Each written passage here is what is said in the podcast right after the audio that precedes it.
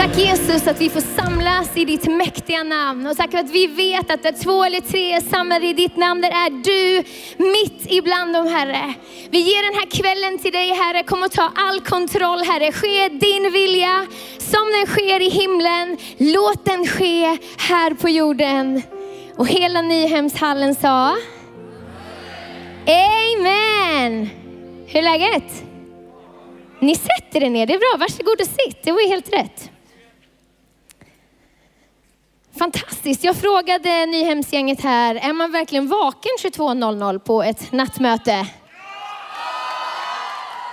Så skönt, då vet jag. Tusen tack för förmånen att få vara här. Jag heter Ida som sagt eh, och jag är en av pastorerna i Hillsong Church Stockholm. Och eh, jag ser det som en enorm förmån att få vara här och dela Guds ord tillsammans eh, den här kvällen. Så tack Daniel för förtroende. Tack Nyhem Ung med Jakob och Johan och alla i spetsen. Så otroligt kul att få vara här. Eh, mår ni bra eller? Ni har haft en bra dag. Jag har följt med via webben faktiskt. Så jag har lyssnat på eh, Simon Holst, otroligt bra jobbat. Julius Caesar och Onkel Knut och Kurt var det, förlåt. Onkel Kurt. Han verkar vara en skön prick. Jag har tyvärr inga stories om Onkel Kurt, men jag har kanske något annat. Så här är det, jag fick frågan om att predika den här kvällen så poppade någonting upp på en gång i mitt hjärta. Eh, och det var att leva i sanning. Och sen fick jag höra att temat för konferensen var Jesus är vägen, sanningen och livet och att sanningen var just den här dagens budskap. Så det kändes extra rätt. Eh, och jag skulle bara vilja börja med, innan vi går in i Guds ord, så skulle jag vilja börja med att dela några tankar från mitt eget liv. Jag har hunnit bli några år äldre än många här inne, även om jag inte är jättegammal än. Eh, men eh, när man tittar lite grann i backspegeln så ser man, man ser lite lättare saker när man tittar bakåt än när man precis är mitt i dem. Och om jag tittar i backspegeln på mitt liv och kanske framförallt på högstadiet och gymnasiet, de här liksom första skälvande stegen när man ska liksom gå med Gud själv, så kan jag se ganska tydligt att det finns en fight om ens liv. Det fanns en fight om mitt liv och det finns en fight om ditt liv. Ett, ett liv, om du ska välja att leva ett liv i sanning, i relation med Jesus, ett äkta, genuint liv tillsammans med honom. Eller om du ska välja någonting annat. Jag är uppvuxen i en kristen familj och jag hade förmånen att, att få möta Jesus tidigt som barn. Och jag fick se människor komma till tro när jag gick gymnasiet och högstadiet och ganska så tidigt så brännmärkte Gud mitt hjärta med sin närvaro och med sin kärlek. Eh, och jag är enormt tacksam för det. Jag började leda lovsång från ungefär 15 års ålder eh, och har fortsatt med det sedan dess. Och jag har alltid sedan jag var barn vetat att jag är kallad till någonting. Jag har inte vetat vad exakt, men jag har vetat att jag är kallad någonting som har med Gud att göra i alla fall. Det kan vara lite diffust och om du känner att det är diffust för dig, välkommen till klubben. Det kan vara diffust ibland. Men så kommer de där tillfällena, trots att jag hade en väldigt god grund att stå på, jag hade en väldigt bra familj att falla tillbaka på, jag hade en bra kyrka att, att falla tillbaka på, så kommer de där tillfällena i tonåren när man måste välja själv. När man måste fatta beslut om man vill haka på det alla andra gör, eller om man vill gå en annan väg. Eh, när vänner börjar konsumera alkohol i stor mängd så valde jag att leva ett nyktert liv. När vänner började dejta, och inte bara dejta utan hoppa i säng med både till höger och vänster med alla möjliga grabbar, så valde jag att vänta när vänner valde att blåljuga föräldrar om det liv som de egentligen levde, så minns jag mina långa, långa samtal med pappa i, kök, i köket på fredag och lördagnätterna där vi pratade om Gud och om livet och tron och utmaningar och ibland inte alltid jättelätta konversationer när man är 16, 15, 17, men livsnödvändiga konversationer för min tro. Jag minns särskilt ett tillfälle. Jag hade börjat dejta en kille som inte var kristen. Och han var säkert en jättebra kille, men det var ingen bra relation för mig. Och jag minns hur pappa, istället för att skälla på mig och förbjuda mig att träffa den här killen, så satt vi ner i köket och tårarna rann nerför hans kinder. Och det enda han kunde säga var, Ida, jag trodde att du hade förstått. Jag trodde du visste bättre. Jag trodde du hade valt ett annat liv. Och det gör mig så ont att se att du har inte förstått. Dagen efter så var det slut med den här killen. Eh, och ja, det var. Och mitt hjärta gick i tusen bitar, absolut, eh, men det gick över. Eh, men jag minns också hur jag under den här perioden kände mig så otroligt falsk. Jag minns hur otroligt skönt det var när jag hade bestämt mig. Och när Gud hade fått första platsen i mitt hjärta igen och när hjärtat var rent.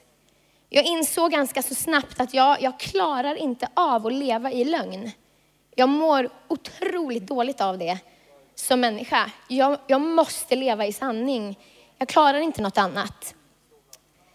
Eh, och jag har märkt att vid varje stort skifte i livet som vi går in i som människor, när man går från en fas till en annan, du kanske går från att gå högstadiet till gymnasiet eller från gymnasiet till att eh, kanske börja plugga på universitet eller högskola eller söka jobb eller flytta utomlands. När man går från ett skifte, från en fas till en annan, det är ganska så skakigt.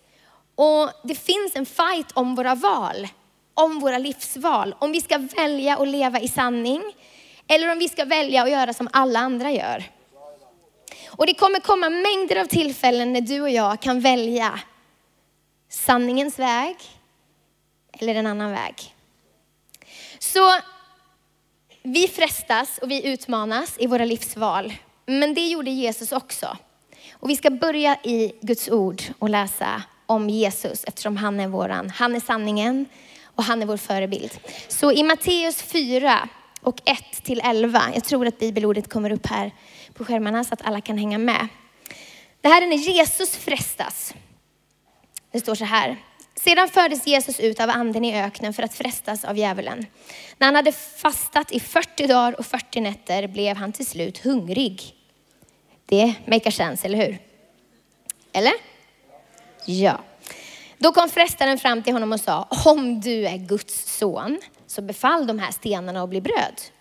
Jesus svarar, märk hur han svarar med ord från gamla testamentet. Inte hans egna, utan Guds levande ord. Det står skrivet, människan lever inte bara av bröd, utan varje ord som utgår från Guds mun. Då tog djävulen med honom till den heliga staden, ställde honom på tempelmurens krön och sa, om du är Guds son så kasta dig ner. Det står ju skrivet, han ska befalla sina änglar och de ska bära dig på sina händer så att du inte stöter din fot mot någon sten. Jesus sa till honom, det står också skrivet, du ska inte fresta Herren din Gud. Sedan tog djävulen med honom upp på ett mycket högt berg och visade honom världens alla riken och deras härlighet och han sa till honom, allt detta ger jag till dig om du bara faller ner och tillber mig. Då sa Jesus till honom, gå bort Satan, det står skrivet, Herren din Gud ska du tillbe, endast honom ska du tjäna. Då lämnade djävulen honom och änglar kom fram och betjänade honom. Wow! Det här är stort. Den här berättelsen om när Jesus frestas tycker jag är jätteintressant och den är spännande. Vad är det som händer här egentligen? Djävulen försöker så in lögn i Jesus. Eh, han försöker få Jesus att tappa greppet, tappa blicken. Liksom, han har fäst sin blick på sitt uppdrag. Och det grekiska ordet som används för djävulen i den här texten är diabolos och det betyder baktalare, vilket är ganska intressant. Och många kunniga, jag är ingen teolog, men eh, jag har hört en del kunniga teologer som menar att det var här slaget om korset egentligen stod. Därför att det var här Jesus valde att lyda och gå den vägen som Gud hade förberett och gå korsets väg hela vägen in i kaklet. Så djävulen använde en strategi att så in lögn. Ja, men om du väljer den här vägen istället, inte behöver väl du, eller skulle då Gud ha sagt exakt samma sak som hände i Edens lustgård många, många, många år tidigare. Djävulen använder samma strategi, lite genomskinligt egentligen när man tänker efter. Lögn. Oj, kanske du tänker, ska det bli här en predikan om djävulen? Nej, det ska det absolut inte bli. Det är Jesus som är vår huvudperson och djävulen har ingen huvudroll i det här. Men jag tror att det är viktigt för oss att förstå hur saker hänger ihop. Och det här kan lära oss någonting om att leva i sanning. Till och med Jesus blev frestad att välja en annan väg än den Gud hade tänkt. Till och med Jesus blev frestad att tro på lögn. Och till och med Jesus var beroende av Guds eget ord för att hålla sitt eget fokus, fäst på uppdraget, fäst på vad, han hade, vad hans mission var och inte på vad omgivningen sa. Så jag skulle vilja kroka i det Simon Holst predikade om på kvällsmötet ikväll. Vad, vad, sägs, vad sägs om dig? Vilka lögner frestas du att tro på? Vilka lögner frestas jag att tro på? Du kanske sitter här som har växt upp i en familj där ingen någonsin har klarat skolan eller utbildat sig och du tror att du aldrig någonsin kommer klara av det heller. Det är en lögn. Guds ord säger, allt förmår du i honom som ger dig kraft. Du kanske tittar dig i spegeln och när alla andra ser en skönhet så ser du ett monster. Det är lögn. Bibeln säger att du är skapad övermåttan underbart. Du kanske är den där tjejen eller killen som just nu inte har en enda vän. Och du känner dig som den mest ensamma, ensammaste personen i hela världen och du tror att du alltid kommer förbli ensam. Det är en lögn. Herren har sagt att han ska aldrig lämna dig, han ska aldrig överge dig, han går vid din sida, han lämnar dig aldrig. Amen. Du kanske känner dig lite udda. Din talang kanske inte passar in i, i mallen för vad som är coolt och vad som uppskattas just nu. Men du är kanske den som i själva verket kommer eh, komma på botemedlet till cancer eller diabetes eller någon annan livshotande sjukdom. Se inte ner på vad du har fått. Se inte ner på den gåva Gud har lagt i ditt liv. Det står i Bibeln, förakta inte den ringa begynnelsen. Allt som ska bli stort måste börja smått. Eller så finns du här som har stora drömmar om vad du vill göra. Du kanske till och med som jag känner dig kallad att göra någonting med ditt liv. Men du känner att det finns massa andra människor som är bättre som är mer kvalificerade, som talar bättre, som sjunger bättre, som gör allting bättre än vad du gör. Det är en lögn. Du är kallad, du är smord, du är skickliggjord just för en tid som denna. Att göra skillnad och ta Jesus till människor och till platser som ingen annan kan göra. Amen. Vilken lögn frestas du att tro på? Vi lever i en värld som är bokstavligen full av lögn. Och hur ska man upptäcka att man börjar glida iväg? Hur ska man upptäcka att, att man kanske inte riktigt står fast i sanningen? Hur ska vi klara av det här? Om Jesus till och med frestades, hur ska vi greja det? Där är Bibeln vår hjälp. Bibeln är Guds levande ord. Bibeln är vår instruktionsbok. Så här hittar vi hjälp. Här hittar vi tips på hur vi ska klara av det här. Så vi ska läsa i Efesierbrevet 6 och 10. Ni känner säkert igen det här om ni har varit i kyrkan någon gång tidigare. Det står så här, till sist, bli starka i Herren och hans väldiga kraft. Ta på er hela Guds vapenrustning så att ni kan stå emot djävulens listiga angrepp. Vi kämpar inte mot kött och blod, utan mot furstar och makter, mot världshärskarna här i mörkret och mot ondskans andemakter i himlarymderna. Ta därför på er hela Guds vapenrustning så att ni kan stå emot på den onda dagen och stå upprätt när ni har fullgjort allt. Stå alltså fasta med sanningen som bälte runt höfterna, klädda i rättfärdighetens pansar och bär som skor på era fötter den beredskap som fridens evangelium ger. Ta dessutom trons sköld, med den kan ni släcka alla den ondes brinnande pilar. Ta emot frälsningens hjälm och andens svärd som är Guds ord. Och gör detta under ständig bön och åkallan och be alltid i anden. Alltså den här fighten som jag började prata om, den är inte mot människor. Det är inte människor ytterst sett, utan det är mot en osynlig verklighet. Och vi som kristna har en andlig dimension på vårt liv som många andra människor saknar. Eh, och det behöver vi anpassa våra liv efter. Vi spelar med helt andra spelregler än vad andra gör. Och du och jag behöver bli medvetna om att det finns någon som vill stjäla, slakta och förgöra ditt liv. Det är så det är. Men du har hela himlen på din sida. Så det kommer gå bra. Amen.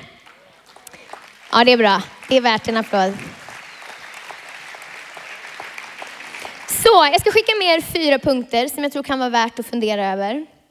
Den första punkten är, ta på dig sanningens bälte. Jag tycker det är lite coolt att det är det första som står i bibeltexten, att spänna sanningens bälte om våra höfter. Jag tror inte att det är en slump, utan back in the days när man hade rustningar, jag är inte så väl bevandrad på den fronten, men det sägs att rustningen var ju väldigt stor och klumpig och för att den inte skulle ramla ner så hade man ett ganska så stort bälte. Och bältet höll rustningen på plats. Så om man vänder det till vårt kristna liv, sanningen håller vår kristna tro på plats. Och det är inte underskattat. Vill du ha ett litet smalt tunt bälte eller vill du ha ett stort, stadigt, tjockt bälte som bär upp resten av ditt liv? Rättfärdighetens pansar, hjälmen, skölden, bibeln, allt det här. Det hålls uppe av sanningens bälte. Och det står fascinerande mycket om lögn och sanning i Guds ord när man väl börjar leta. Om du läser Bibeln med de ögonen så kommer du hitta det överallt. Dels så är det i Gamla Testamentet fullt av det, till och med i de tio budorden. Du ska inte begå falskt vittnesbörd till exempel. Eh, men i Nya Testamentet så står det också att Gud letar efter människor som tillber honom i ande och i sanning. Det står även att sanningen ska sätta oss fria, eller hur? Och att Jesus är vägen, sanningen och livet. Men ni ska få några bibelord med er så att ni vet att jag inte luras. Eh, I Ordspråksboken 12 och 19 står det så här, sanna ord består för evigt, men en lögnaktig tunga bara ett ögonblick. Ordspråksboken 14 och 2. Den som vördar Herren lever ärligt. Den som föraktar honom går krokiga vägar. Wow, det är verkligen tydligt. Och här kommer ett ord, det här är ganska skarpt. Kan ni ta det? Okej. Okay. Ordspråksboken 6 och 16 till 19. Sex saker är det som Herren hatar. Sju som han avskyr. Stolta ögon, en falsk tunga, händer som spiller oskyldigt blod, ett hjärta som smider onda planer, fötter som skyndar till det som är ont, ett falskt vittne som främjar lögn och den som skapar gräl mellan bröder. Jag tycker det är ganska tydligt att Gud tål inte lögn. Och det är nog för att lögnens fader är djävulen. Och de kan, det kan inte umgås, det kan inte vara på samma plats. Eller hur? Men med, med, med det sagt, det här med sanning, det är inte så lätt alla gånger, eller hur? Jag tänkte visa några YouTube-klipp på några sköna barn som blåljuger så det bara dånar om det. Men jag har inte rättighet att göra det, så jag gör inte det. Men eh, ni kan googla på det sen om ni vill. Hur många har dragit en vit lögn någon gång? Inte fler! Nu ljög ni allihop tror jag. Jag har gjort det flera gånger. Kom igen. Det var så här, jag var hemma, jag kommer från Vilhelmina och jag bor, det är uppe i fjällen för er som inte känner det, i, i södra Lappland. Jag var hemma där i vintras var det va? Eh, påskas, vintras någon gång. Eh, och så träffade jag en gammal polare, han är inte frälst, men vi brukar alltid ses när, vi, när jag kommer hem, för vi är goda vänner. Och så berättade han lite grejer så här, han bara, ja, och så drog jag en liten vit. Ja, och så pratade han vidare och det var något annat, han köpte någon traktor eller skoter eller vad det var. Och så bara, ja, nej, men så drog han en liten vit. Och han hade sagt det där fyra, fem gånger, så slutade jag bara, men stopp! Alltså en liten vit. När blir den grå? När blir den svart? Är inte lögn alltid lögn? När vi väl börjar tumma på de där gränserna, då är vi far. Alltså det är svårt att hålla koll då. För det första är det svårt att komma ihåg vad man har sagt. Men det blir, det blir, det blir skevt. Så tala sanning, det är guld. Men att leva i sanning, det är ett annat perspektiv av sanningen. Att leva äkta. Att du är samma person hemma, i kyrkan, i, i fotbollsklubben, i skolan, på festen, vad det nu kan vara. Du är den du är. Du lever inte olika liv, du lever ett liv. Ett äkta liv där Jesus är i centrum. Och jag vet att man blir frestad på det här utrymme, området, särskilt kanske högstadiet, gymnasiet eller när man precis liksom ska in i vuxenlivet. Och jag kan tänka mig, nu är jag ju så rysligt gammal, men jag kan tänka mig att som ungdom så är sociala medier en sjukt stor press på att locka till att leva dubbla liv. Man visar upp en bild, här är allting så sjukt bra, men när man stänger av telefonen så är det kaos på insidan. Lev i sanning. Jag bestämde mig väldigt tidigt i min tonår för att vara en och samma person. Att om du träffar mig här uppe eller här nere så är jag exakt samma. Och jag vill leva ett helt liv, inte olika liv. Eh, och det, det, kommer inte av sig självt. Det bygger på beslut efter beslut efter beslut efter beslut. Och det är lika jobbigt för mig som det är för dig.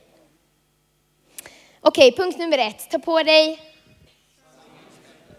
lätt som en plätt. Punkt nummer två. Låt Bibeln vara din lögndetektor.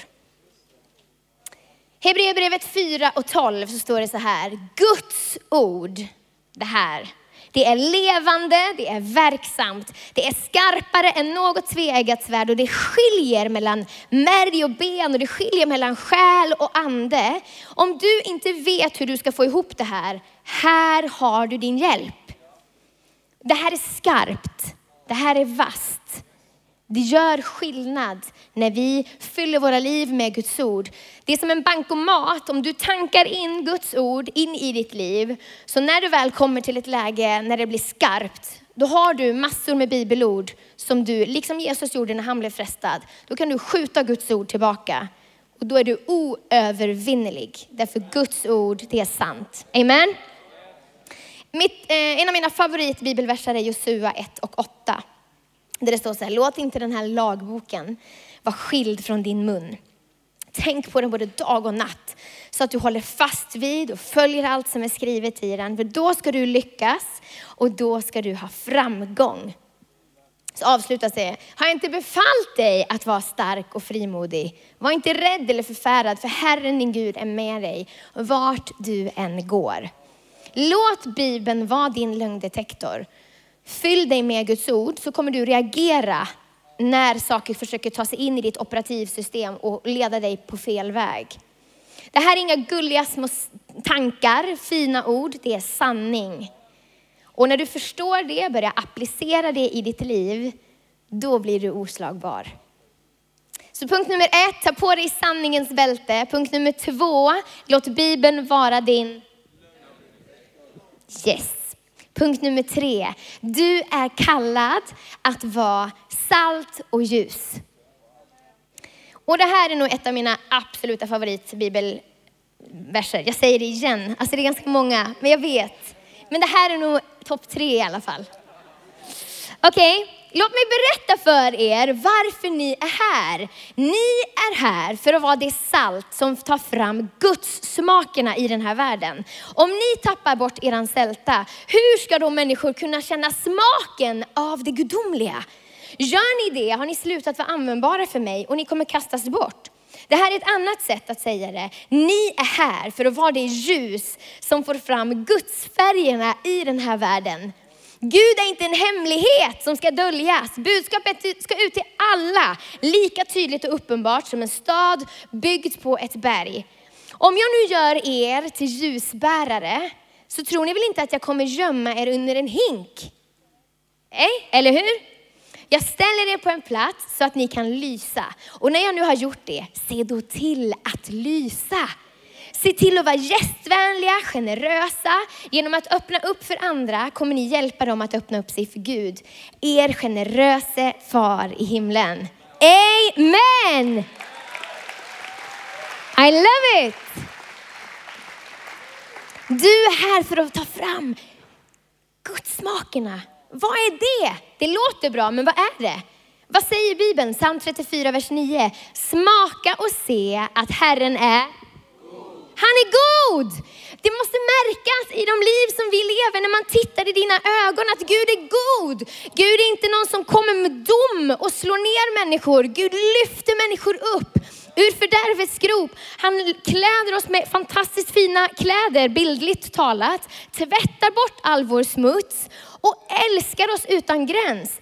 Det är det som människor behöver få höra när de träffar en kristen, en representant för Kristus. Smaka och se att Gud är god. Ta fram gudsmakerna, ta fram det som är bra.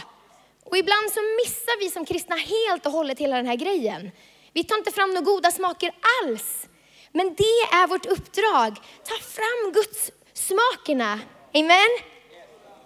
Men du är också här för att ta fram Guds färgerna och det är kanske är lite mer diffust.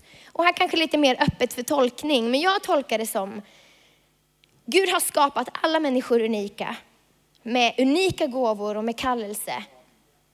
Det finns guld som ruvar i dig och i mig. Låt ljuset få ta fram det. Försök aldrig bli en kopia av någon annan, utan var dig själv, var ett original. Det sista vi behöver är massa kopior. Vi behöver starka original som är trygga i sin identitet i Kristus och som skiner Guds kärlek mer än någonsin, eller hur? Jag tror att en del misstolkar det här med salt och ljus, att man kastar sanning på människor. Och jag är inte riktigt så för, mycket för det.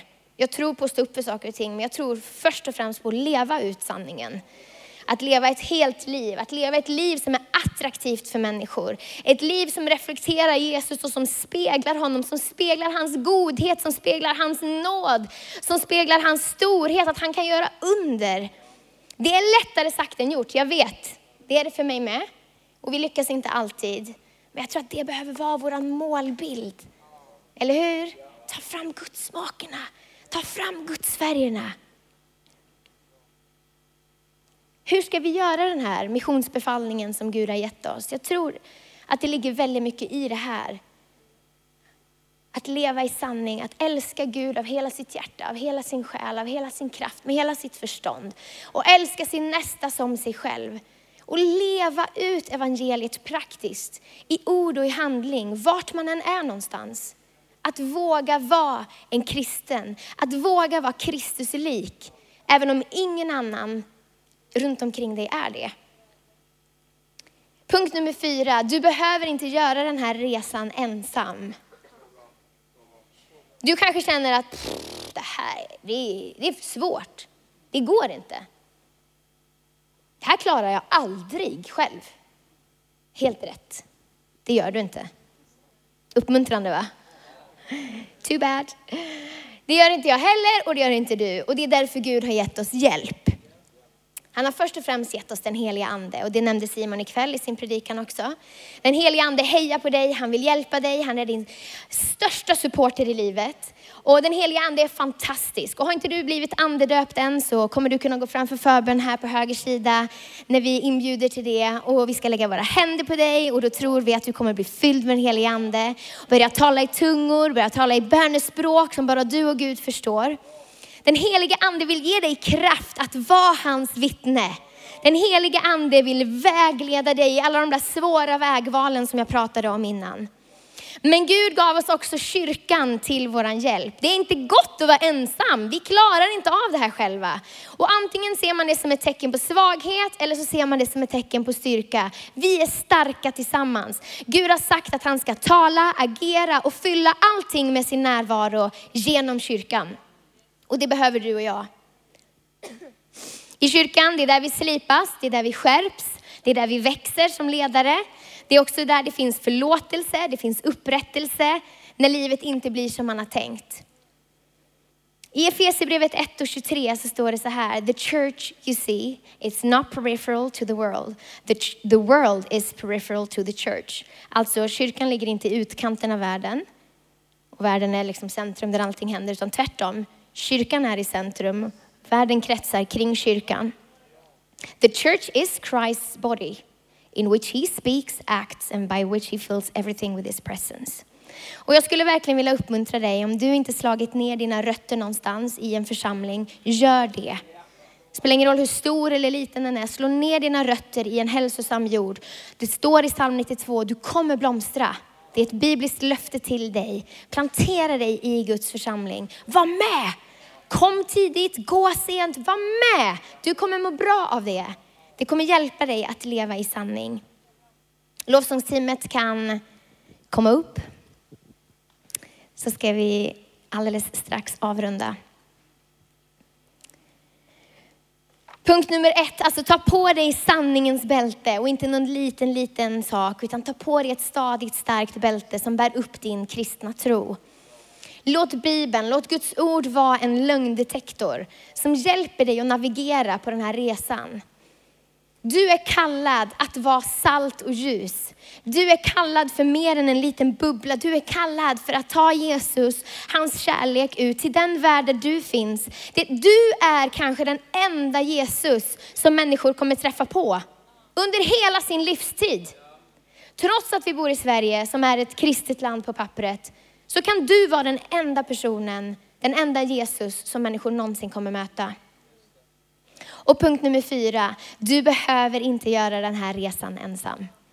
Det finns mängder med människor som står vid din sida, som hejar på dig, som vill hjälpa dig att, att kanske navigera svåra beslut. Din pastor finns där för dig. Din ledare finns där för dig. Och framförallt den helige ande är din hjälpare. Om du känner att det här är för djupt vatten, jag grejar inte det här. Den helige ande vill hjälpa dig.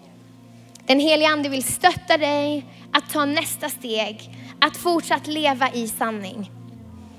Och jag vet att ett sånt här budskap ibland kan, det kan exponera saker som finns i våra hjärtan som inte är behagligt. Och det sista jag vill är att det här ska skapa fördömelse eller någon hård ton i ditt hjärta. Utan min enda bön och längtan är att du skulle välja att lägga undan alla masker. Lägga undan allt det där som skiljer dig och Gud. Och ärligt och uppriktigt söka hans ansikte. Att inte bry sig om vad alla andra gör och vad alla andra säger. Utan söka Guds ansikte för ditt liv. För din framtid. Att våga leva ett liv i sanning tillsammans med Jesus. Jag började med att tala ut några lögner och vi ska avsluta med att tala ut sanningar om dig. Är du med? Sanningen om dig är att du är älskad. Du är skapad med ett syfte och du är mer än en övervinnare. Sanningen om din framtid, det är att den är ljus. Den är i Guds hand. Håll dig nära hans hjärta. Håll dig nära hans ord. Låt hans ord lysa upp den väg du går på. Och låt den helige ande hjälpa dig att fatta kloka beslut. Sanningen om din identitet är att du är en ny skapelse i Kristus. Det finns ingen fördömelse. Allt det gamla har han strukit ett streck över och något nytt har kommit. Sanningen är att ensam är inte stark. Vi behöver varann. Vi behöver det Jesus har sagt att han ska bygga sin församling. Sanningen är en person. Jesus. Och med honom i ditt hjärta så är allting möjligt. Och om du finns här som ännu inte fattat det där beslutet om att släppa in Jesus i ditt hjärta, då vill jag be för dig alldeles, alldeles strax. Du kanske finns här som aldrig någonsin har vågat ta det där klivet och säga, okej okay, Gud, här är jag. Jag vill följa dig nu, jag vill leva ett liv tillsammans med dig. Och du kanske finns här som har tagit det beslutet men som har tappat bort dig på vägen. GPSen har visat en helt annan väg och du befinner dig på en plats där du aldrig trodde att du skulle vara. Du kanske inte alls lever ett liv i sanning utan försöker mörka upp saker som finns på din insida. Jesus kallar på dig ikväll att lämna det bakom dig och börja på nytt tillsammans med honom. Utan fördömelse, utan hårda ord, med två öppna armar som längtar efter dig. Jag skulle bara vilja be alla böja sina huvuden i respekt för varandra, i respekt för din granne. Om du finns här som i ditt hjärta kände det där är jag. Jag behöver fatta ett beslut om att följa Jesus för första gången eller jag behöver komma tillbaks till den där relationen jag en gång hade och lägga undan ett liv i lögn och lägga undan ett liv som kanske ingen annan känner till förutom du själv. Om du finns här ikväll så skulle jag vilja be att du räcker din hand. Just nu så ska jag be för dig. Gud välsigne dig, Gud välsigne dig, dig, dig, dig, dig, dig. Gud välsigne dig, Gud välsigne dig. Gud välsigne dig på läktaren, Gud välsigne dig där bak, Gud välsigne dig. Gud välsigne dig, Gud välsigne dig, Gud välsigne dig, Gud välsigne dig, Gud välsigne dig, Gud välsigne dig. Gud välsigne dig, det här är fantastiskt. Gud välsigne dig. Tack Jesus. Det här är det bästa som finns. Det är det bästa som finns när människor väljer att ge sitt liv till honom. Om det är okej okay så ska vi be en bön tillsammans. Jag ber före och ni ber efter mig. Tack Jesus. Att jag nu väljer att följa dig. Och lämna mitt gamla liv bakom mig. Jag är nu din och du är nu min. Och jag bestämmer mig för att vandra med dig. Helige Ande, hjälp mig att leva ett liv tillsammans med Jesus. Att leva ett liv i sanning. I Jesu namn vi ber. Amen. Nyhem ger en stor applåd till alla som fattade beslut. I love it! Amen. Om du var en av dem som räckte din hand, jag vill be för dig, jag vill träffa dig. Vi kommer ses här på höger sida.